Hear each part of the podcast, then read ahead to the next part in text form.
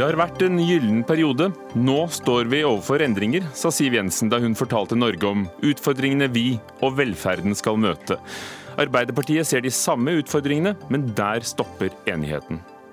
Hvor langt skal Venstre gå i klimapolitikken? Det spørsmålet deler partiet når de møter landsmøte på landsmøtet, og i morgen skal de stemme over mesteparten av den norske oljen skal bli liggende eller ikke. Og en trebarnsmor ber norske politikere stenge verdens største pornonettside. Det går ikke. Dette er ubehaget ved ytringsfriheten, sier en IT-ekspert.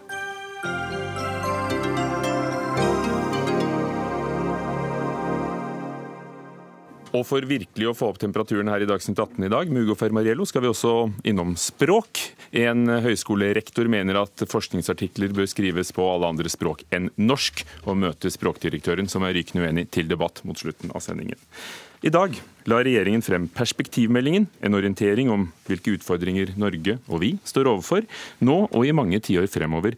Oljefondet vil ikke vokse inn i himmelen, og dermed synker også statens inntekter utgiftene vil øke pga. innvandring, og at vi blir flere eldre. Siv Jensen, finansminister. Vi kommer til å måtte bruke mer penger, samtidig som vi får mindre å rutte med. Og hvordan skal du tette dette gapet? Det er to viktige måter å gjøre det på. Det ene er å sørge for at flere mennesker kommer inn i arbeidslivet. Og at de som er i arbeidslivet, jobber mer og lenger. Eh, det tror jeg er veldig viktig. Og det, er jo sånn jeg har eh, fått eh, e-poster fra en del som står på vei til å gå av med pensjon i dag. Som har veldig lyst til å fortsette å, jobbe. Og det er jo fordi vi lever stadig lenger. Når vi går av med pensjon nå, sant, så ser vi jo for oss mange år som pensjonister. Sånn var det jo ikke før. Og mange føler seg jo ikke ferdig med arbeidslivet, selv om de er blitt 67. Så det er én viktig ting. Det er også veldig mange som er på utsiden av arbeidsmarkedet som vi må få inn. Eh, det gjelder ikke minst veldig mange innvandrere som i dag ikke er i jobb. Kommer de i jobb, så bidrar det veldig positivt til eh, statsfinansene. Én av tre kvinner jobber deltid. Får vi de til å jobbe heltid, så vil det også være viktig. Så Det er den ene viktige saken. Den andre handler om hvordan vi bruker skattebetalernes penger. Vi bruker mye penger over offentlige budsjetter. Nå må vi bli mer opptatt av hvilke resultater vi får ut av de pengene vi bruker, og vi må prioritere bedre. Og Hvordan rimer det kravet om effektivisering, få mer ut av pengene, av skattepengene, og flere som skal jobbe? Og Dessuten blir de eldre, så de vil trenge mer helsetjenester og mer velferd. Det er ikke noen motsetning i det. Altså, vi, Norge står jo i en veldig god situasjon. Vi ser jo for oss at vi ikke bare skal bevare de, de velferds, det velferdssamfunnet vi har, men at vi fortsatt kan se for oss en tid hvor vi kan fortsette å styrke det. Der andre land nå har egentlig mer enn nok med å nedbetale gjeld. Så utgangspunktet vårt er godt. Eh, men vi må husholdere godt, og det har jo vært en av grunnene til at regjeringen har vært så opptatt av å gjennomføre reformer. Fordi det handler jo om å få mer ut av skattepengene. Et eksempel på det er jo Nye Veier AS, som ble opprettet eh, for å bygge motorvei raskere, billigere og bedre enn vi har gjort. Det selskapet sier jo nå at de kan gjennomføre den veiporteføljen sin mye raskere enn estimert, og mye billigere. Da frigjør vi milliarder av kroner som faktisk kan brukes da, på velferd eller andre ting vi velger å prioritere. Marianne Martinsen, stortingsrepresentant og finanspolitisk talsperson for Arbeiderpartiet. Er du enig i beskrivelsen som eh, Siv Jensen har gitt i dag, i perspektivmeldingen? Jeg tror jeg er enig i absolutt alt finansministeren sier, både om at eh, flere må jobbe mer, og at vi må husholdere bedre og bruke pengene bedre. Men det står jo veldig grell kontrast til de politiske resultatene vi ser som resultat av regjeringas økonomiske politikk denne perioden. Jeg tenkte du ville komme fort dit. Hva er feil med oppskriften på å møte opp utfordringene? Nei, For det første så har vi jo nå sett gjennom alle budsjettene som Siv Jensen har lagt fram, at eh, utgiftene har fått øke kraftig, samtidig som inntektene til staten har blitt kutta. Og, og budsjettunderskuddet eh, vokser i et tempo som vi aldri har sett eh, maken til. Det, det, setter oss selvsagt i en mye vanskeligere posisjon når vi skal betale for pensjonsutgifter og for omsorgsutgifter når flere av oss blir, blir gamle. Og så har vi en situasjon hvor sysselsettingsandelen i Norge faller. Eh, vi har den laveste sysselsettingsandelen på eh, over 20 år. Og Det er klart at det er Det er alvorlig når vi ser at folk melder seg varig ut av arbeidsmarkedet. Eh, at vi ser flere ungdommer som, som går over på uføretrygd, kanskje aldri er en del av arbeidslivet i det hele tatt. For dette er da mennesker som blir gående på stønader gjennom et helt liv, istedenfor å bidra aktivt og betale skatt. og Det er den virkelig bomba under velferdsstaten. Og Før du får spørsmål om hva du ville gjort med det, Siv Jensen, er du enig i at sysselsettingsgraden faller? Ja, det er riktig. Men jeg tror ikke vi skal svartmale det så mye som Marianne Martinsen nå gjør. fordi noen av de som nå midlertidig trekker seg ut, er ikke varig uttrekk av arbeidsmarkedet. Det er f.eks. ungdom som velger å studere mer eller gjennomføre utdanning som de tidligere ikke har gjort. Det er bra, fordi vi kommer til å trenge mer kompetanse for å være attraktive i arbeidsmarkedet fremover. Men det er også noen som trekker seg ut. Eh, og det er bekymringsfullt. Så vi er helt enige om at det er et eh, viktig område å gjøre noe med. Men alt i alt så er jeg jo litt uenig i beskrivelsen av at regjeringen har brukt de store pengene feil. Vi har altså vært inne i en situasjon hvor vi har møtt det største oljeprisfallet på 30 år. For de har vært ekspansive, det kan vi si. Ja, og det har vi jo understreket hvorfor vi har vært. Vi har vært nødt til å føre en ekspansiv finanspolitikk i en tid hvor det har mistet 50 000 arbeidsplasser i oljerelatert sektor. Vi har vært nødt til å redusere skattene for å øke eh, konkurranseevnen til norske bedrifter, sånn at de på sikt kan lage flere arbeidsplasser og flere bedrifter. Og vi har senket skatten på arbeid. Bare for ikke slippe det helt det med, med sysselsettingsgraden. altså Den har falt uh, like mye som det har økt med antall alderspensjonister. Viser ikke det at folk kanskje ikke har så lyst til å jobbe mer og lenger? Dette er sammensatt. Eh, det er veldig mange nordmenn som ønsker å jobbe mer. Eh, men så har vi en utfordring med det vi har ofte kalt for utenforskapet. At det er mange som av ulike årsaker ikke har vært en del av arbeidsmarkedet. Eh, og det er viktig at vi reduserer de barrierene, sånn at det blir lettere å komme inn i arbeidsmarkedet. Marianne Martinsen, hva er ditt svar på å få folk i arbeid? da? Oh, det, er veldig, det, er flere ting vi er nødt til å gjøre samtidig her. Eh, for det første så er vi nødt til å ta tak i de ungdommene som faller helt ut. Eh, for vi har sett ja, Der vil dere at kommunene skal stille opp. Er, er, er ikke det en ansvarsfraskrivelse? Nei, overhodet ikke. Det er jo å ta ansvar. Det er en ansvarsfraskrivelse å la de bli gående varig på passive stønader. Eh, og Vi har sett hvordan ordningen med arbeidsavklaringspenger skyver store grupper varig ut av arbeidsmarkedet. Gjør at, unge, gjør at ungdom blir gående på uføretrygd. Eh, og det vi har sagt, er at vi må stramme inn bruken av arbeidsavklaringspenger. Det sier også regjeringen nå, men vi kombinerer det med en jobbgaranti for de som er født etter 1990. Da må næringslivet mobiliseres. Det sier de at de er villige til. Vi må bruke mer lønnstilskudd eh, og være med på å ta en del av regninga for at disse faktisk kommer i jobb. Og så sier vi også at i siste instans så må kommunene ta ansvar. Da skal staten selvfølgelig være med på å betale for det gjennom lønnstilskudd, men det er bedre at kommunen sysselsetter i stedet for at de faller helt ut og kanskje aldri kommer inn i arbeid i det hele tatt. Og så er det en del andre ganske åpenbare grep som vi må ta. F.eks. det å bruke mye penger på å betale folk som er helt friske, oppegående, i stand til å jobbe, for å ikke jobbe gjennom å øke kontantstøtta. Det er et typisk eksempel på en politikk som vi bør legge i skuffen. Spar på noen poenger, for vi, vi, vi kommer tilbake til det. Erling Holmøy, forskningsleder ved Statistisk sentralbyrå. Er, dere er med på å legge premissene for mye av denne meldingen, for dere forsyner prognosene og tallene til Finansdepartementet. Um, flere folk i arbeid er mantraet. Forskjellige løsninger. Vil, vil Mariann Martinsen eller Siv Jensen klare å få folk til å jobbe lenger? Det, det vet jeg ærlig talt ikke, for eh, dette er jo et valg folk selv tar. Riktignok så kan man jo stimulere til det gjennom skatt, pensjonsregler osv. Men jeg tror er, politikerne har tatt et veldig viktig skritt for å stimulere arbeidstilbudet og sysselsettingen blant eldre, og det er pensjonsreformen. Når vi regner på dette, så, tror vi det kan bety en 7-8% forskjell hvis vi går frem til 2050-2060. Eh, så det er en, en, kjempeviktig reform hvis man er opptatt av det å stimulere til økt, økt arbeidsinnsats. Men den er jo allerede gjennomført og ligger inne i disse prognosene, ja, så vil det holde? Jeg, ja, men det er relevant da med tanke på at vi har ikke så mye mer å gå på når det gjelder pensjonsreform. Man kan utvide den til å gjelde offentlig sektor, og det er jo en tredjedel av de sysselsatte. Og innføre de samme insentivene der. Det, det håper jo jeg at man man vil lykkes med.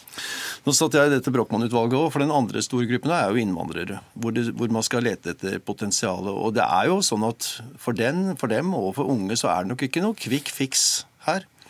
Eh, og da, da, handler det om opplæring og, å kjøre på med mer av det man har forsøkt. Men man kan ikke være veldig optimistisk, tror jeg, når det gjelder å, å øke sysselsetting blant folk som kommer til godt voksen alder, eh, og som mangler de basale kvalifikasjonene som man må ha i et arbeidsliv hvor også lønns, altså lønningene er veldig høye. Og, og, og, da viser du på forsiden i Klassekampen i dag at vi kommer ikke unna, unna utenom økt skatt. Ja, altså, Det er jo skattefinansierte velferd vi snakker om. Og når de, den skattefinansierte velferden skal øke, så, så, må man jo være villig til å betale regningen. Sånn er det på alle goder man uh, unner seg her i livet, at man må betale for det. Når det gjelder skattefinansierte ting, så har jo brukerne ikke noen spesiell konkret opplevelse å betale, så det kan jo fortone seg gratis. Så, det, så, På de områdene så kan det fortone seg litt snålere og verre at vi skal betale for dette. Men jeg tror jo at i utgangspunktet, hvis vi ikke finner på noe veldig lurt, så, så, så må man regne med at når utgiftene vokser raskere enn inntektene og er i balanse i utgangspunktet, så må man uh, regne med det. Og jeg tror som sagt, dette med arbeidsinnsats, jeg er veldig for. Det er veldig mange gode grunner til å ønske seg mer av det. Men jeg er noe mer skeptisk til at det lar seg gjøre. Det er iallfall ikke et politisk vedtak som kan bestemme det. Det er avhengig av partene i arbeidslivet og den enkelte selv velger det.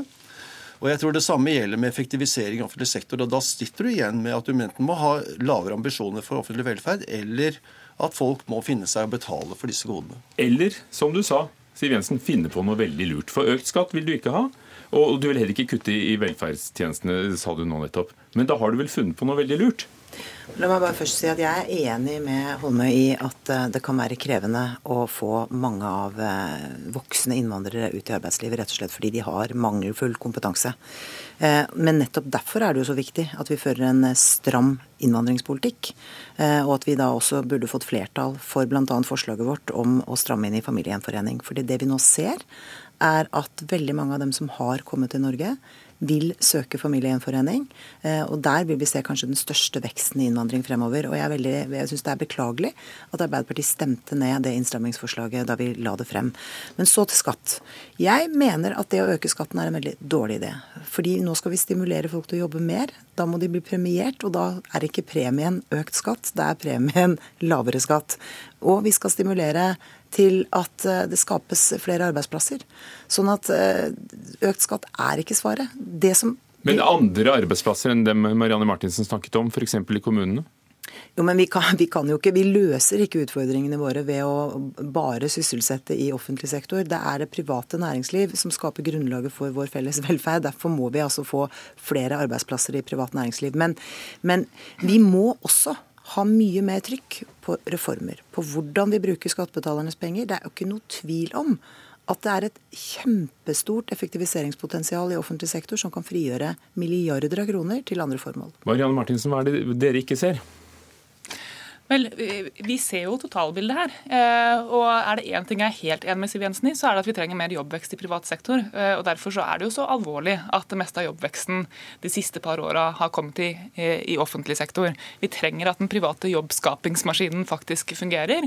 Eh, og det har vist seg at den måten denne regjeringa har drevet skattekuttpolitikk på, ikke har noe effekt. Altså det, det, det, er en eldgammel teori å tro at, at, det å berike noen få mennesker helt i toppen fører til at du får, eh, får veldig mye aktivitet i økonomien. Skal vi gi Siv en liten replikk på den, for det er en eldgammel uenighet dere imellom òg? Ja, og sannheten er at vi har ikke beriket noen få. Vi har gitt skattelettelser til alle. En helt vanlig gjennomsnittsfamilie har altså fått 8000 i skattelette, men vi har også, vi har også gitt, vi har også gitt skattelettelser til bedriftene, eh, noe som er viktig. Men så har det, ja, også vært sysselsetting i offentlig sektor. Det er villet politikk. Flere lærere, flere sykepleiere, flere politifolk.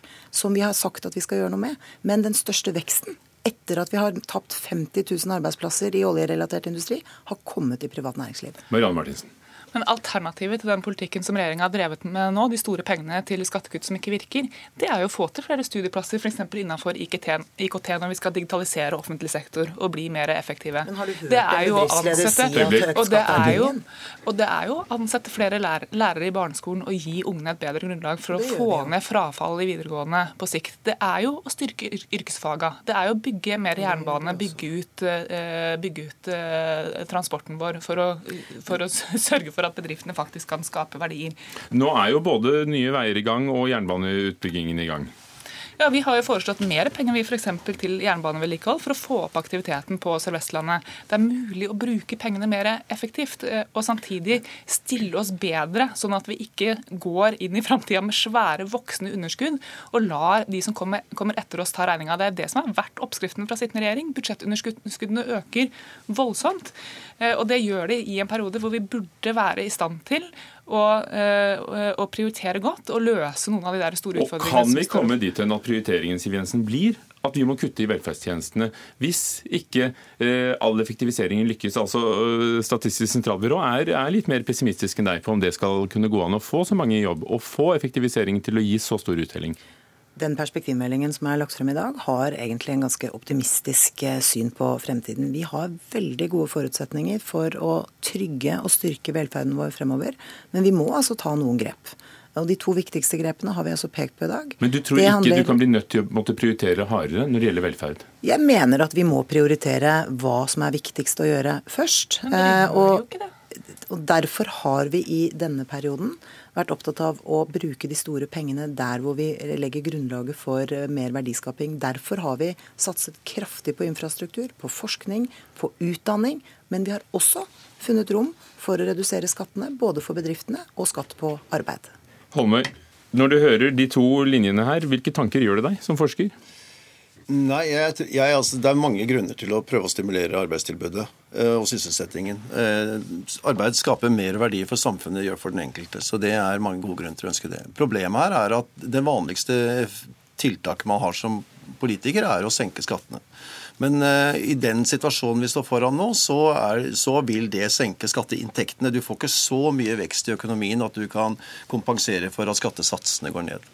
Det tror jeg det er veldig bred enighet om. Men det jeg mener man da bør kanskje se på Jeg tror at man Det er veldig mange gode grunner til at vi skal ha et, eh, en bred, godt utbygd velferdsstat med solide, rause minimumsordninger av både kontantstøtter, eller, altså kontantytelser, pensjoner, trygder osv. Og, og skattefinansiert utdanning. Det er mange valg som kan tas der. Ja, Men det som jeg tror kan være en vei å gå, det er å følge noe av det andre land har gjort. I å gjøre det tydeligere for folk at hvis du kutter disse tingene, og da også skattene, så må du betale det selv. For de aller fleste av disse ytelsene, disse godene, det er ting som folk vil ha.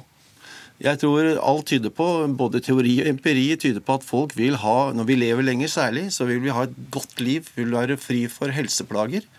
Og det vil man betale for. Men det er veldig mange grunner til at det bør skje i det offentlige. Så det å synliggjøre at skattepengene går til bestemte hovedformål, Eldreomsorg, helse, pensjon. Det har man gjeninnført i Sverige. At det er et autonomt, separat trygdebudsjett for alderspensjon. For å oppdra befolkningen til å innse at disse godene er ikke gratis. En god del av lønna di går til å finansiere det. Da vil du også synliggjøre at dette har kostnader, og du får en fornuftigere avveining mellom disse godene og andre goder. Nesten som NRK-lisensen, altså. Takk skal dere ha. Vi må slutte der. og Jeg regner med at frem mot valgkampen så får vi rikelig anledning til å snakke om økonomi. Siv Jensen, finansminister, Marianne Martinsen fra Arbeiderpartiet og Erling Holmøy fra SSB. Dagsnytt 18 alle hverdager kl 18.00 på NRK P2 og NRK2.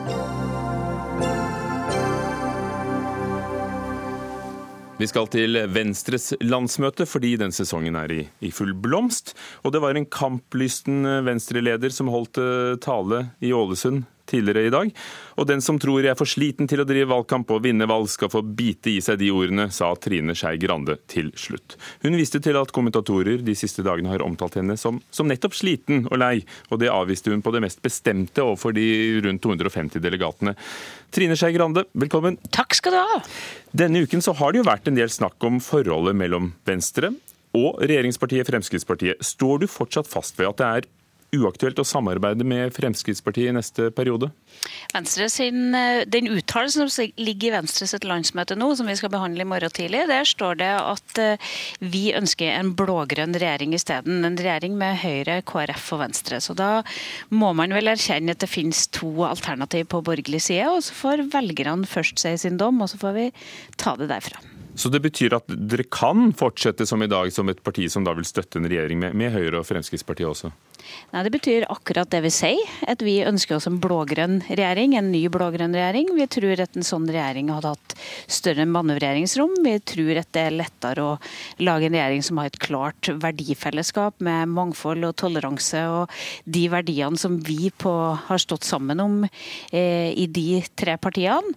Og så tror jeg at det er viktig å ha en, når en mindretallsregjering også har litt større handlingsrom, hvis du kan samarbeide både til høyre og til venstre for deg. Det jeg har sjøl vært parlamentarisk leder i en sånn regjering eh, for, for to regjeringer siden.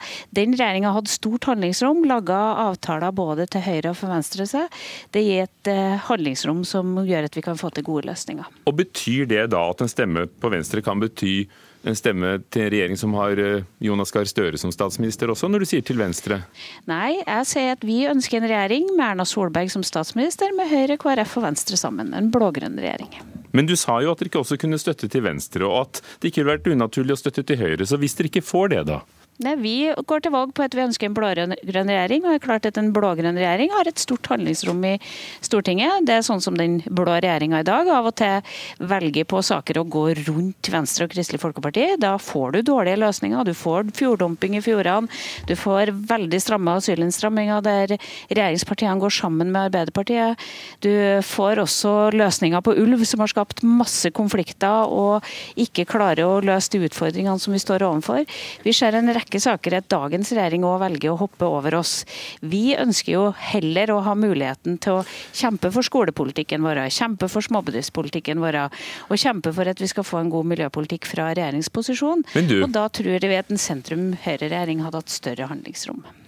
Men du, du, Det var en uttalelse i VG her eh, for litt siden som, som skapte litt eh, grobunn for, at, eh, for tvil. Er du villig til å felle en regjering som denne? Vi, For å få til en blå-grønn regjering, så trenger vi å få et borgerlig flertall. Og jeg tror ikke at vi får noe borgerlig flertall hvis ikke Venstre gjør et godt valg. Eh, og Så finnes det to alternativ på borgerlig side, og da er det velgerne som bestemmer styrkeforholdet inn i de forhandlingene. Og vi har skjønt hvilket du, du står på. ja, det, Men din kollega i partiet Din kollega Abid Raja i partiet som sitter på Stortinget, eh, han sier at det var uklokt å annonsere seks måneder i forveien at vi skal kaste dem ut i regjering. Dere må ha en borgerlig garanti. Og så har han så har han da trukket dette utspillet i dag eh, før landsmøtet var, var i gang. Men, men, hva har skjedd? Med dine ord?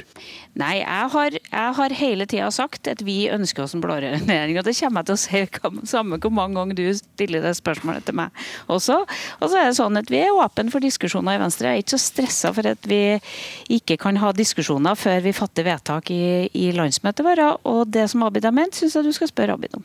Mm.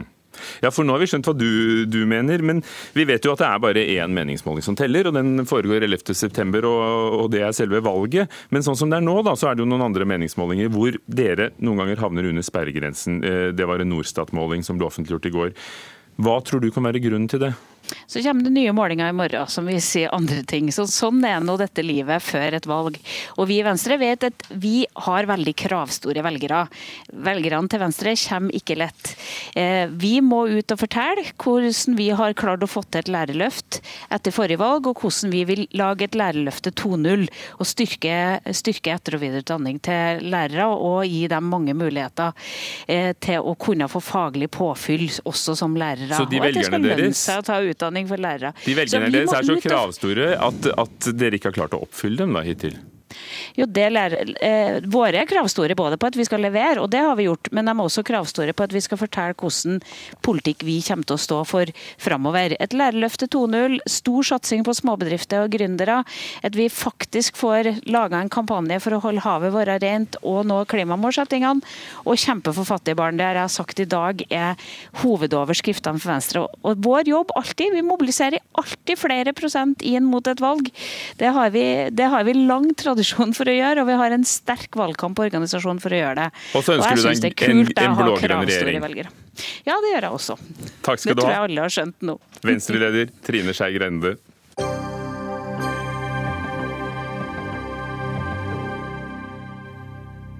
På det samme landsmøtet i Ålesund er også vår politiske kommentator i NRK Lars Nehru Sand, som følger Venstre de neste dagene. Tar vi feil når vi sier eh, Lars Nehru Sand, at det har vært en del turbulens innad i Venstre de siste dagene? Nei, det er absolutt uh, riktig. Og jeg tror uh, det er flere enn Abid Raja som har uh, blitt overrasket over Trine Skei Grandes uttalelser, eller i hvert fall det etterlatte inntrykket, i dette VG-intervjuet, hvor hun da ikke utelukker at man kan felle dagens regjering dersom den fortsetter utover høsten. men jeg tror måten Abid Raja har kritisert Trine Skei Grande, har gjort at, at partiet nå slutter rekkene om denne uttalelsen som som ligger til, eh, til eh, ja, vedtak, og som, som, det ikke er levert inn noen endringsforslag til.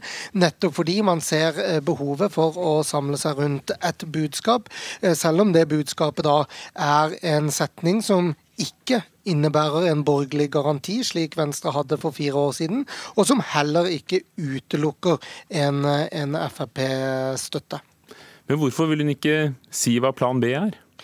Det er jo for å ha et handlingsrom eh, etter, eh, etter at velgerne har satt, sagt sitt på valgnatta. Men jeg vil jo si at dersom Venstre er i den posisjonen som, som i hvert fall per nå kan virke sannsynlig, nemlig at man ikke sitter i en borgerlig regjering, eh, og heller ikke har en samarbeidsavtale med en borgerlig regjering, eller da en, en, et fast avtaleforhold, ja, så er jo den trusselen det vil være i en budsjettforhandling f.eks. At man er rede til å felle eh, den regjeringen som da eh, består av Høyre og Frp. Eh, det er jo et svært naturlig maktmiddel og forhandlingsposisjon eh, Venstre da vil, vil ha. og det, det, må heller ikke overraske noen at eh, det borgerlige flertallet Erna Solberg eventuelt måtte ha da i, i, eh, etter valget i september, dersom disse fire partiene fortsatt har flertall da, det vil være sjøl skjørere enn noen gang. Nå som eh, du har rukket Lars Nehru Sand, å gå litt rundt og, snakke med delegatene etter eh, Grandes tale, lyktes hun i å samle troppene? Hun gjorde i hvert fall det eh, ved at eh, hun lykkes med det pedagogiske prosjektet det var og både innprente i forsamlingen at eh, man har fått noe igjen for dette samarbeidet, og også at det ligger en vei videre som ikke bare handler om å være trygg og gjenkjennelig i miljøpolitikken, men også snakke om kunnskap og, og gründerskap. Jeg tror mange i salen var glad for å høre Venstre-lederen snakke om andre ting enn miljø. og ikke minst kunnskap og skolepolitikk, som er viktig for mange, både velgere og medlemmer. Men så er det også påtagelig, når man hører en svært energisk Trine Skei Grande i en time, at hun må overbevise om at arbeidet så langt har vært verdt det. Eh, det er ikke bare når hun ser fremover at hun spør om, eh, om det. Hun må hente en bekreftelse på noe som burde vært selvsagt, nemlig at Venstre har hatt flere gjennomslag de fire årene som har gått nå, enn de åtte årene under Jens Stoltenberg. Så hva har skjedd da? Etter et godt valg for snart fire år siden, så viser altså noen målinger at de havner under sperregrensen? Ja, og de har havna under sperregrensen på flertallet av de målingene som er tatt opp i valgåret 2017 så langt, med god margin. Eh, og det tror jeg skyldes mye av den posisjonen Venstre har stått i i over tre år, hvor de da ikke er mot regjeringen, men de er heller ikke for. De er mest synlige når de er minst fornøyde, og de fremstår som et parti som da ikke får gjennomslag, fordi de hele tiden må mase på eh, de borgerlige eh, regjeringspartiene.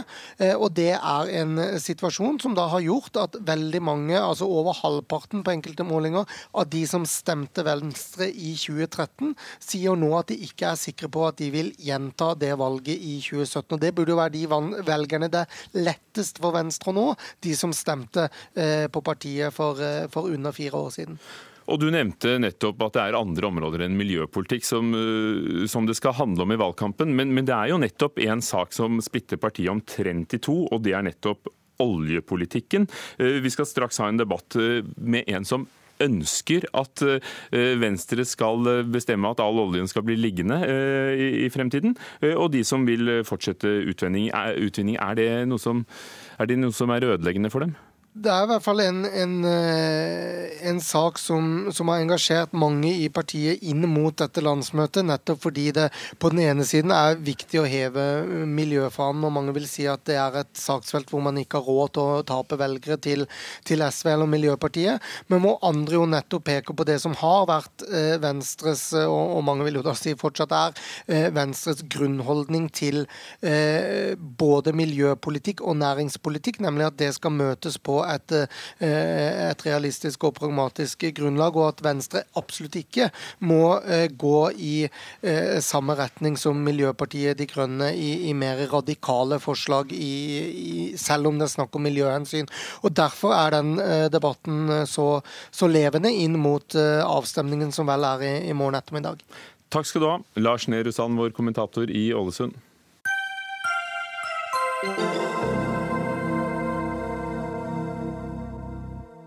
Hvor vi altså blir værende på Venstres landsmøte. Det ligger da an til en heftig oljedebatt før den avstemningen vi akkurat hørte om, som skal skje i, i morgen. Etter at Unge Venstre er knallharde på at mesteparten av oljen må bli liggende, og at partiet må gå inn for å stanse utlysningene av flere letelisenser. Og heller ikke gjennomføre 24. konsesjonsrunde, som det var mye snakk om for litt siden.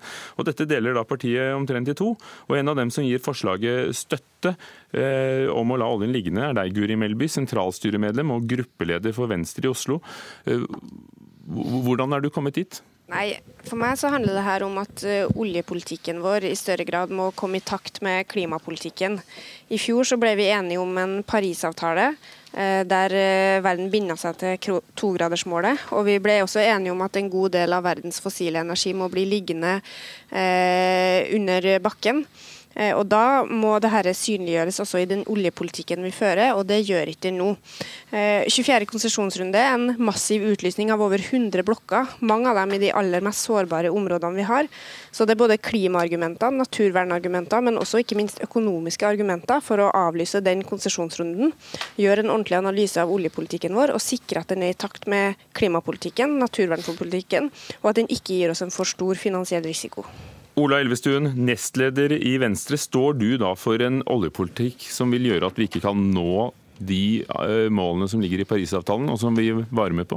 Nei, definitivt ikke. Vi er nødt til å ha, ha, olje som kommer til å måtte bli i bakken. og Dermed så går vi jo nettopp inn for at det sårbare området, Lofoten, Vesterålen, Senje, iskanten, mange andre, der skal vi ikke ha noen uh, aktivitet. Eh, og så mener vi også at vi må nettopp gjennomgå den, uh, den skattepolitikken som vi har inn mot olje- og gassektoren. For det er ikke en tvil om at i dag så har vi et skattesystem som gjør at det felt som egentlig ikke kommer til å være lønnsomme, også i et klimaperspektiv, de blir allikevel gunstige.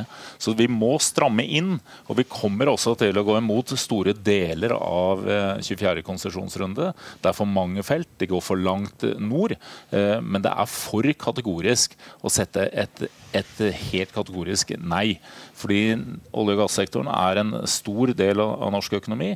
Vi trenger å ha også næringen og en forståelse med den når vi skal gjennomføre endringer. Og da må det også skje en, på en måte som gjør at eh, vi også skal få dette til. Og Guri Melby, Det står jo i utgangspunktet på forslaget til programmet at eh, klimakonsekvensene for letelisensene skal analyseres før det eh, settes i gang noe fra oljeselskapenes side.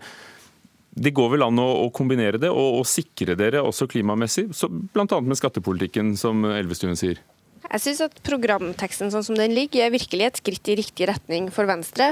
Eh, den sier egentlig for første gang at vi ikke bare skal ta naturvernhensyn, men at vi også i mye større grad skal ta klimahensyn i oljepolitikken.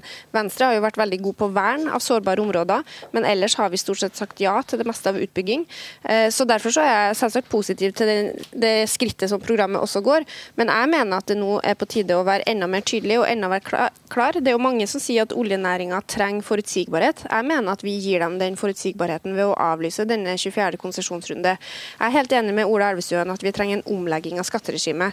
Sånn som regimet er nå, så kommer det til å bli tatt store investeringer i områder som vi vet at ikke kan bli lønnsomme. Det betyr egentlig at vi satser den norske stat og de norske skattebetalernes penger på noe Vi satser egentlig dem på at klimapolitikken skal mislykkes, og det ønsker verken jeg eller Ola, det er jeg helt sikker på. Men da mener jeg det er bedre å stanse denne utlysinga nå, og så gjøre endringer i skattepolitikken som gjør at vi sikrer at det er kun de lønnsomme feltene som blir åpna. Det er kun de feltene som vi kan akseptere eh, klimakonsekvensene av, som blir åpna, i stedet for at vi fortsetter med den massive utlysinga som Tord Lien starta på. Nå skulle vi kanskje til og med hatt uh, olje- og energiministeren her, men det, men det, har vi ikke. For å snakke litt politikk, uh, Ola Elvestuen.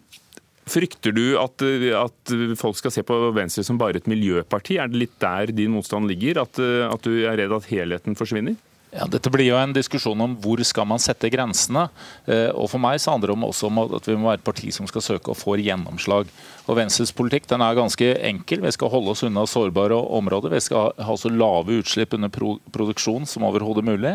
Og så er det det at det må lønne seg. Så Den viktigste politiske kampen det er om å overføre den risikoen som ligger i nye felt, fra det offentlige, som tar altfor mye i dag, og over på selskapene. Og Det er der den reelle kampen eh, står. Og så er det ikke så avgjørende akkurat eh, å sette stopp for alle nye utlysninger.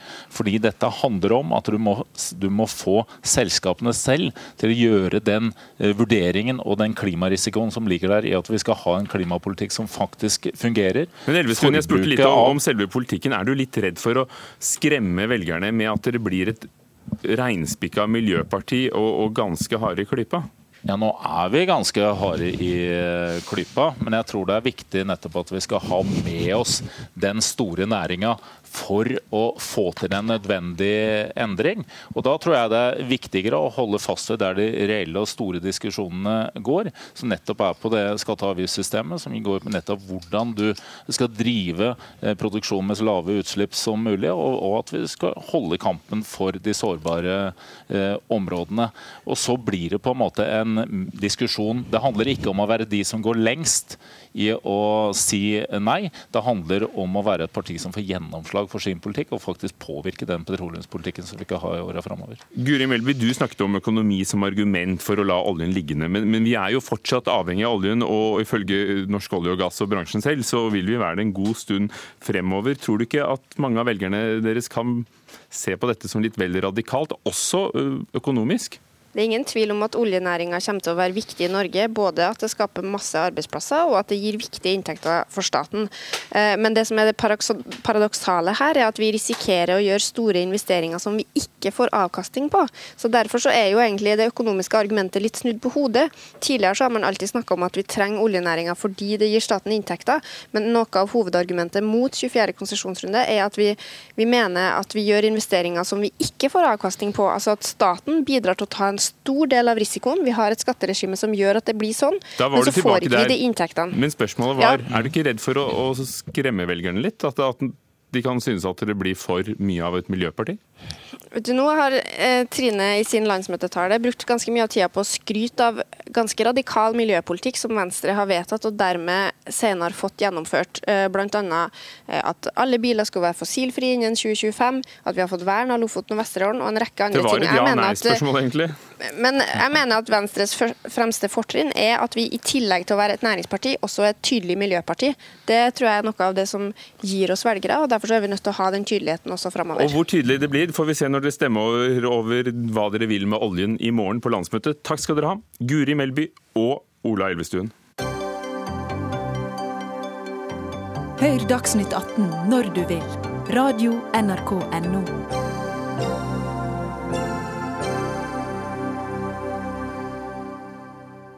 Steng Pornhub verdens største pornonettside. Oppfordringen kommer fra en trebarnsmor som har sett seg lei på argumenter som at foreldrene må ta ansvar, og at det er bare å slutte å moralisere når noen etterspør hvordan vi skal beskytte barna mot pornoen og pornoindustrien. Andre, som skuespiller Ulrikke Falk, kjent fra Skam-serien, og forfatter Tore Renberg, har den siste tiden også tatt til orde for at unge ikke skal få sitt eget forhold til seksualitet påvirket, kanskje også ødelagt av pornoindustrien. Kjersti Cecilie Jensen, det er du som har eh, skrevet dette debatt, som debattinnlegg på VGs sider. Hva var det som fikk deg til å, å be politikerne stenge verdens største pornonettsted? Det er vel rett og slett fordi jeg som forelder føler meg ganske maktesløs. Um, og jeg har ikke lyst til å sitte lenger og være vitne til at stadig yngre og yngre barn introduseres for porno og seksualiseres av porno industrien.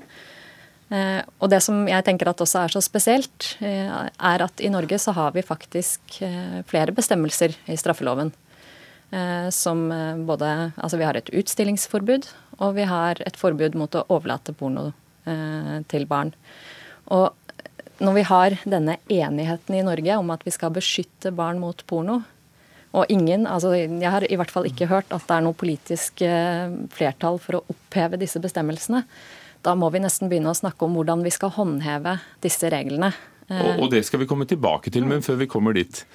Hva er det du mener er så uh, skadelig hvis barna får tilgang til det? For det, det, det får de jo hvis de vil. Ja, altså det, hvis du vil. Altså, det er også en ting som jeg gjerne vil ta opp. fordi det jeg så på min egen sønn eh, når han begynte å være aktiv på sosiale medier, det er jo at han får en rekke henvendelser fra ukjente personer som sender linker og inviterer til eh, eskortesider og pornonettsider. Sånn at dette er noe du blir påtvunget. Eh, og jeg, som sagt, altså, vi har en lovgivning som beskytter mot det, fordi det er, vi alle legger til grunn at dette er skremmende innhold som vi skal beskytte barn mot. Og så har jeg også sett nyere forskning som viser at de som bruker porno, de er oftere eller vil oftere utsette sin partner for tvang og press i retning av å gjennomføre det man har sett i pornoen. Eh, og det er de konkrete skadevirkningene jeg vil at, at man skal ta inn over seg og, og, virkelig gjøre noe med. Og Du skriver spesielt om porno der det ser ut som om deltakerne kan være under 18 år, selv om det ikke det står noe om det. Og for å være presis, du, du, mener da å sørge for at tilgangen blir strengere. Det går ikke an å få, få stengt det, for det ligger jo ikke i Norge. Men Kristian Tonning Riise, leder i Unge Høyre. Um, dette er en konkret utfordring til dere politikere. Ville du jobbet for et forbud mot å komme inn på disse pornonettsidene? Altså et, et, forbud totalt tror jeg det er vanskelig å uh, skulle få til. Vi må jo legge til grunn at uh, porno er lovlig så lenge det gjelder voksne samtykkende mennesker. Og det er også lovlig for voksne mennesker å, å se på porno. Men jeg støtter jo helt intensjonen her, nemlig at vi bør gjøre uh, mer tiltak for å forhindre at porno er såpass tilgjengelig som det er for barn og, og ungdom i dag. Uh, og der er det nok mange ting man kan gjøre hvis ikke man løper liksom rett til totalforbud uh, med en gang. Det går an å se på muligheten for å, å, gå i dialog med, sånn som KrF har foreslått, med nettleverandører for å ha pornofiltre som man kan skru av og på. Man kan gjøre noe på, på skolene. Og, uh, så det er, det er, mye man kan gjøre her. Men jeg er jo også litt opptatt av hvorfor er det ungdom oppsøker dette i utgangspunktet. Og jeg tror det er fordi at mange lurer på ting knyttet til sex og seksualitet som de ikke syns de får gode nok svar på andre steder. Da blir pornosider en enkel måte å få den informasjonen på. Det er kanskje en enda viktigere oppgave for samfunnet å sørge for at barn og ungdom, når de begynner å lure på disse tingene og syns det kanskje er vanskelig å spørre foreldre eller lærere om det, så har man kanaler på enten nettsider eller programmer som Juntafil, Trekant og andre ting, som gir god, informativ og fordomsfri informasjon om sex og seksualitet. Jeg tror det er enda viktigere enn å skulle gå på forbudslinja. Er det sånn at, at dette holder? Syns du du har hørt det før? Altså, det blir litt uh, tannlaust, da, rett og slett. Jeg vet ikke hvordan det, det, hjelper meg. Jeg vil også ha mer engasjement. Eh, både fra foreldre og skole og samfunn for øvrig. At man får tatt tak i, i mange problemstillinger som reises, og at man får gitt god og fordomsfri informasjon. Eh, jeg vil også at man skal, skal få den informasjonen man vil. Og, og, men jeg syns man bør begrense den tilgangen som er til pornonettstedene, som tilbyr eh, altså i hvert fall sånn som Jeg oppfatter den informasjonen de tilbyr som veldig krenkende. Torgeir Waterhouse, eh, ansvarlig for nye medier i IKT Norge, bransjeorganisasjonen. Er det mulig å stenge tilgangen? Vi hørte jo en del lover vi har som kanskje kunne fått oss til å begrense tilgangen? Det er jo her vi, altså, virkeligheten og intensjonen møter hverandre. fordi det er mulig teknisk sett å hindre noen fra Norge å komme til dette ene aktuelle nettstedet som er nevnt annet. Men da må vi ta i bruk metoder vi kritiserer Kina for å bruke på å filtrere nettet. Så det vi kan gjøre noe med, det er informasjon. Eh, den enkelte kan installere filter hjemme på eget utstyr, på barns utstyr. Skolene kan ha, ha filter på sin nettforbindelse og sitt utstyr osv. Men man kan ikke på en fornuftig og en måte, og på en måte som er i tråd med våre demokratiske og rettsprinsipper og ytringsfrihetsprinsipper osv. i Norge, hindre folk i Norge å komme til slike nettsider. Det er ikke mulig. Og Det er viktig her at det vi diskuterer, det er hva er det som er mulig å gjøre. Vi diskuterer ikke om det er OK at barn bruker porno eller ikke. Vi diskuterer hva det teknisk sett og, og, og samfunnsmessig er hensiktsmessig og mulig å gjøre. Kjell Ingolf Ropstad fra Kristelig Folkeparti på Stortinget. Dere har jo foreslått tidligere pornofiltre, bl.a. inspirert av Storbritannia, at bredbåndsleverandører skal kunne uh, ha det. Er ikke det naivt å tro at det vil kunne gå an? Og er det i tråd med paragraf 100 og ytringsfriheten og, uh, og vår anledning til å oppsøke det vi vil, og som er lovlig? Mm. Ja, som du hører her, så er jo alle enige om at det er en problematikk som er viktig. Vi ønsker å beskytte barn fra porno. Og jeg tror vi alle er enige at det viktigste filteret til et barn, som Torgeir har sagt før, det er et filter oppi her. At den er trygg på seg sjøl, trygg på egne grenser, og får god seksualveiledning både hjemme, men også i skolen. Så er spørsmålet hvordan kan du beskytte barn fra å tidlig komme inn særlig uønska på pornografi. Der er jo filter til, tilgjengelig i dag. Men det er mange av oss som ikke nødvendigvis er tekniske IK-eksperter, IT-eksperter, eh, og de trenger hjelp. Og Derfor er forslag som er fremma i Stortinget denne veka, å gå i dialog med internettilbyderne og be dem om å tilby enkeltfilter. Det vil aldri kunne beskytte helt, det kan være mulig å unngå, men det vil iallfall hindre en del av de tilfellene som, som Kjersti Jensen her refererer til, med at en får uønska henvendelser og kommer inn på pornografi uten at en ønsker det. Det, det, det, å gjøre det påbudt å ha et sånt filter, vil nok fort kunne komme borti en del sånn ytringsfrihetsproblemstillinger. Hvis, hvis ikke det dere foreslår, så høres det ut som noe som jeg ikke umiddelbart eh, er, er så negativ til. Og det, det, er, er sikkert, eh, det, er, sikkert, mange som kommer inne på disse sidene ved, ved feilsøk på Google og sånne ting. Men jeg tror at uten å ha noen måte, forskningsdokumentasjon som kan si det, at jeg tror de aller fleste kommer inn på dette fordi at man i en gitt alder begynner å lure på en del ting.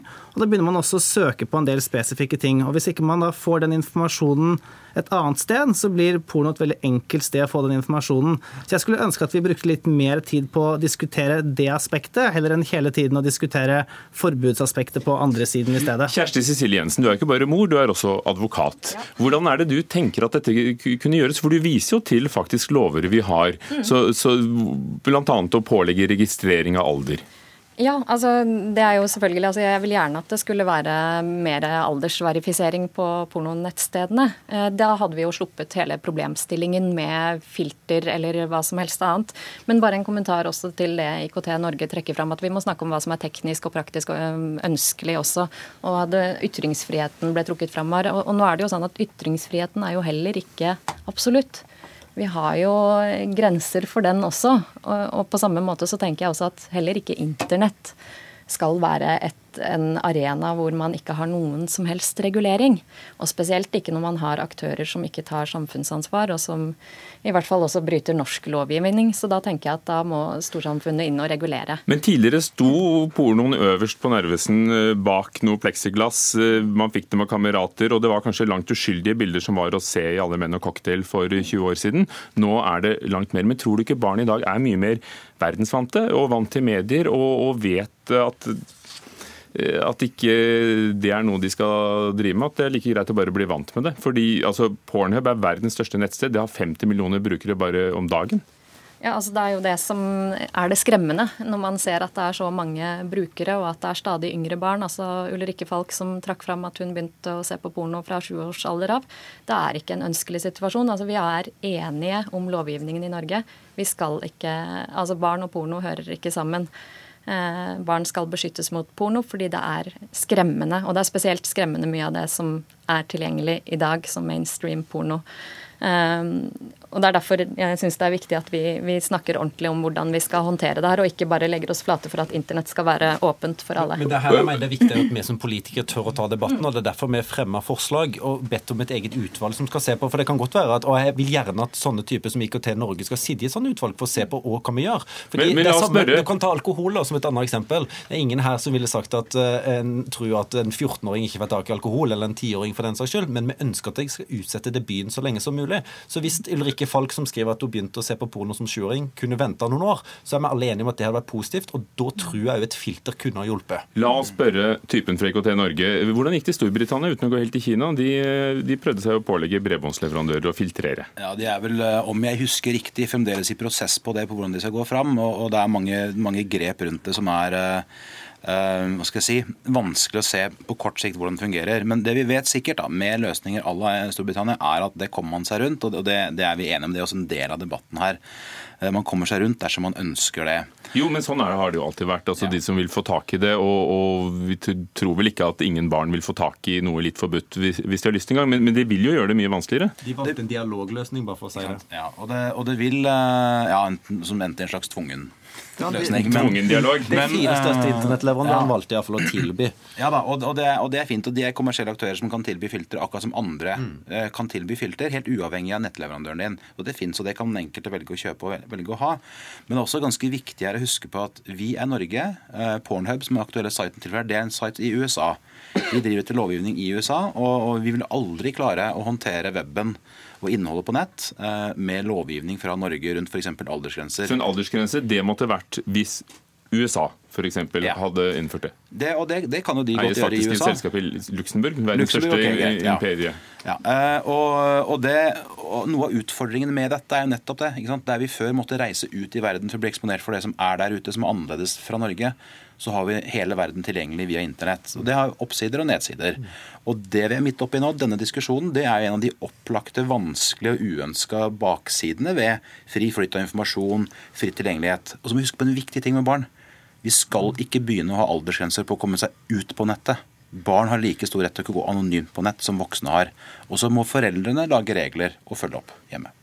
Tror du ikke at barna dine er smarte nok til å jo, altså jeg, min ja, til, å, til å håndtere det? Min tolvåring har akkurat bygd sin første PC, og han er, er, veldig digitalt kompetent. Og jeg prøver å henge med som godt jeg kan. Jeg prøver å gi han utrustning til å takle alt som er der ute. Men jeg er fortsatt opptatt av hva pornoen gjør med, med, samfunnet også, når man har så mange barn som blir introdusert for det. Og jeg tenker at det er viktig å gjøre noe, fordi vi må også sende en signaleffekt, og vi må ta ansvar som voksne for å beskytte barn. Kristian Tonje Riise, er du med på det dialogmøtet som eh, Ropstad vil få i stand? Ja, det tror jeg, jeg tror det er nettopp sånn vi er nødt for å kunne finne, finne pragmatiske tiltak her. Nettopp fordi at internett er globalt, og det er ingen som ønsker noen sånn omfattende internettsensur, men ved å gå i dialog med leverandørene, kunne få markedsbaserte løsninger, så kan man sikkert eh, finne ting. Men du vil ikke komme utenom at det også et, eh, vil være, måtte være et foreldreansvar her. Ellers anbefalte du jo nettopp et P3-program til opplysning. Takk skal dere ha, alle sammen. Kjersti Cecilie Jensen som har skrevet om dette i vg.no, Torgeir Waterhouse fra IKT Norge, Kjell Ingolf Ropstad fra KrF og Christian Tonning Riise, leder i Unge Høyre.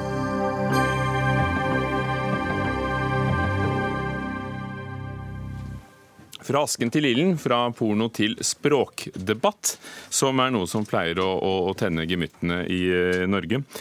Denne gangen er det rektor ved Høgskolen i Oslo og Akershus, Kurt Rice, som i dagens utgave av Morgenbladet kommer med et ganske bastant utsagn. Han mener at forskningsartikler på norsk bør bannlyses, og en slik påstand skaper selvsagt eh, reaksjoner.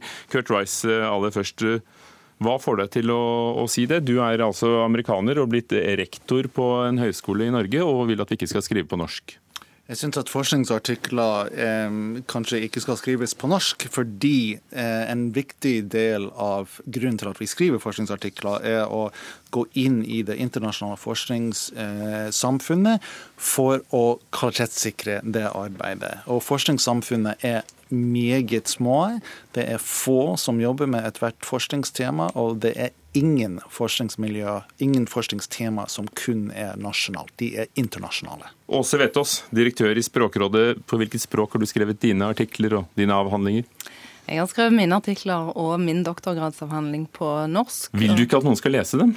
Jeg vil veldig gjerne at mange skal lese dem, men uh, på mitt fagfelt så er det sånn at uh, forskerfellesskapet har skandinavisk som sitt felles fagspråk. Kurt Rice, er det ikke noe med å se an sitt publikum at f.eks. når det gjelder nordisk lingvistikk, du er jo selv lingvist, så er det jo nettopp et nordisk språkfellesskap vi henvender oss til. Hvis du skriver om Ibsen eller norsk grammatikk f.eks. Altså det som jeg har sagt er at Man burde forholde seg til det språket som gjelder i det internasjonale forskningsmiljøet man henvender seg til. og I noen få tilfeller, inkludert norsk språk, så er kanskje skandinavisk det språket. Men hovedpoenget her er at det er mange vitenskapelige artikler som skrives av norske forskere som ikke når eh, ikke klarer, der de ikke klarer å bidra til utvikling av det fagfeltet fordi de nesten melder seg ut ved å skrive på norsk. Er det en fare for at vi melder oss ut? Og, og, og, og hvis vi gjør det, hva, hva, skjer med det norske språket da? Ja, veldig mye av det som blir publisert av forskningsartikler fra norske forskere i dag, er jo allerede på engelsk. Og vi ser at forskning bare på engelsk det er med på å utarme det norske fagspråket. Og det norske fagspråket det er samfunnskritisk viktig for oss. Det er jo en ja, Hvordan ser du det? Fordi det er jo sånn Allerede i 2004 fant jeg en rapport som viste at 80% av doktorgradene ble skrevet mm. på engelsk. Mm. Og Det er altså over ti mm. år siden. Men, men, hvor ser du at, at, fagspråket stopper opp? Det vi ser, det er at eh, engelsk smitter. Sånn at eh, alle de studentene som går og utdanner seg hos Kurt Rice, veldig, veldig, veldig mange av de, kanskje 90% skal ut og jobbe i det norske samfunnet. De skal treffe kolleger, de skal treffe brukere og klienter, og de skal kunne snakke med barn og voksne og gamle, og de skal kunne ha et godt fagspråk som de kommuniserer med. Og det gode fagspråket, det må være på norsk. Ikke minst så er òg et eh, godt norsk fagspråk en garanti for at vi kan ha eh, en opplyst politiske debatt på alle fagfelter. Så jeg er ikke bare opptatt av de humaniorafagene som Kurt Rice nevner. Jeg er like opptatt av at vi skal ha et godt norsk fagspråk om kjemi, om miljø, om biologi og om alle emner som vi har eh, behov for å kommunisere om på norsk. Men det er to forskjellige saker her. Det er utvikling av det norske fag, eh, terminologi, fagspråket, og så er det publisering av vitenskapelige artikler. Og enda viktigere i medisin og naturfag er det at de skrives på det internasjonale gjeldende språket. Men fagspråket det kan vi utvikle ved å skrive pensumbøker på norsk. Det burde vi gjøre. Det kan vi utvikle ved å skrive i fagblad rett retta mot profesjonsutøvere på norsk, f.eks. For forskning om sykepleierfag burde kommuniseres til sykepleiere på norsk. Det er helt greit. Men allerede... forskningsresultater det er adressert til et forskningssamfunn, og det er internasjonalt. Når allerede nesten alle doktorgrader skrives på engelsk, er ikke den kampen tapt? Med å utvikle norsk, at norsk er et fagspråk som stopper opp etter tredje gym? Overhodet ikke. Det er veldig veldig masse av den forskningen som publiseres på engelsk, som formidles til det norske samfunnet på helt andre måter, og der er anledning til å utvikle norsk fagterminologi. Det er forskjellige arenaer. Ja, nei, Her er det jo noen iboende problemer. For det første så er det sånn at det engelske forskningsspråket det har høy status, og det smitter over på formidlingen. Det smitter over på undervisningsspråket som studentene møter. Og på den måten så svekker det norsk fagspråk. Og så er det én ting til, og det er at eh, av de tre oppgavene som de akademiske institusjonene har, studier, forskning og formidling, så er det to av de kategoriene som Eh, er insentivbaserte. Altså En får ekstra midler for å utdanne studenter, en får ekstra midler, ekstra poeng for å forske og for å publisere forskning, men det er ingen insentiver som støtter opp om faglige formidling. Og det gjør at fagformidlinga ikke skjer, og dermed, og hvis, taper, og dermed taper norske. Og hvis dere fikk til det, hvis det, hvis det, hvis det også ble støttet og at det ble et insentiv, da kunne kanskje man skrive artiklene til Nature eller The Lancet på engelsk? Ja, altså Det er ikke noe poeng for oss i Språkrådet at all kommunikasjon forskere imellom skal være på norsk. Det har vi aldri meint. Men det må ikke være sånn at alt foregår på engelsk istedenfor på norsk. For her har men Er det ikke nesten en tapt kamp? Nei, det er det ikke. Men uh, vi må henge på. Og det er jo sånn at institusjonene òg har et lovpålegg om å uh, dyrke og utvikle det norske fagspråket. Og det ansvaret må institusjonene ta mye mer enn de gjør nå. Beveger du deg på kanten av loven, Kurt Rice, når du sier dette? Overhodet ikke. Og, og, og, dette forslaget om å stimulere f.eks. til skriving av pensumbøker på norsk, det er et veldig godt forslag. Og i den uh, humanioremeldingen som departementet nå har lansert, så, så skal, de, så skal, de, støtte norskspråklig fagtidsskrifter. Men de burde heller støtte pensumbøker og fagblad og sånt, for det er der vi skal kommunisere på norsk. Men forskningsartikler skal vi skrive på engelsk. På engelsk, ja. Ikke andre språk, altså. Fransk, tysk, kinesisk er det en del som snakker spansk. Vi skal skrive på det språket som gjelder for det fagsamfunnet eh, internasjonalt, og i de fleste tilfeller så snakker vi engelsk. Men det er vår tids latin også, også vet du oss. Ja, vet du hva. Jeg har le kollegaer lest ganske mange artikler på dårlig, sjablongmessig, uh, nyansefattig engelsk som mine stakkars uh, norskspråklige kollegaer driver og skriver. Og kanskje er det ikke så rart at det de artiklene ikke har så mange lesere. For altså, Språket er et redskap for den klare tanken. Og hvis en ikke behersker språket, så skriver en ikke så klart og godt forskningsspråk som en burde. Takk skal dere ha. Åse Vetås, direktør i Språkrådet, Kurt Rice, rektor ved Høgskolen i Oslo og Akershus. Ida Tune Øresland var ansvarlig for sendingen. Hans Ole Hummelvold, teknisk ansvarlig. Ugo Fermarello, programleder.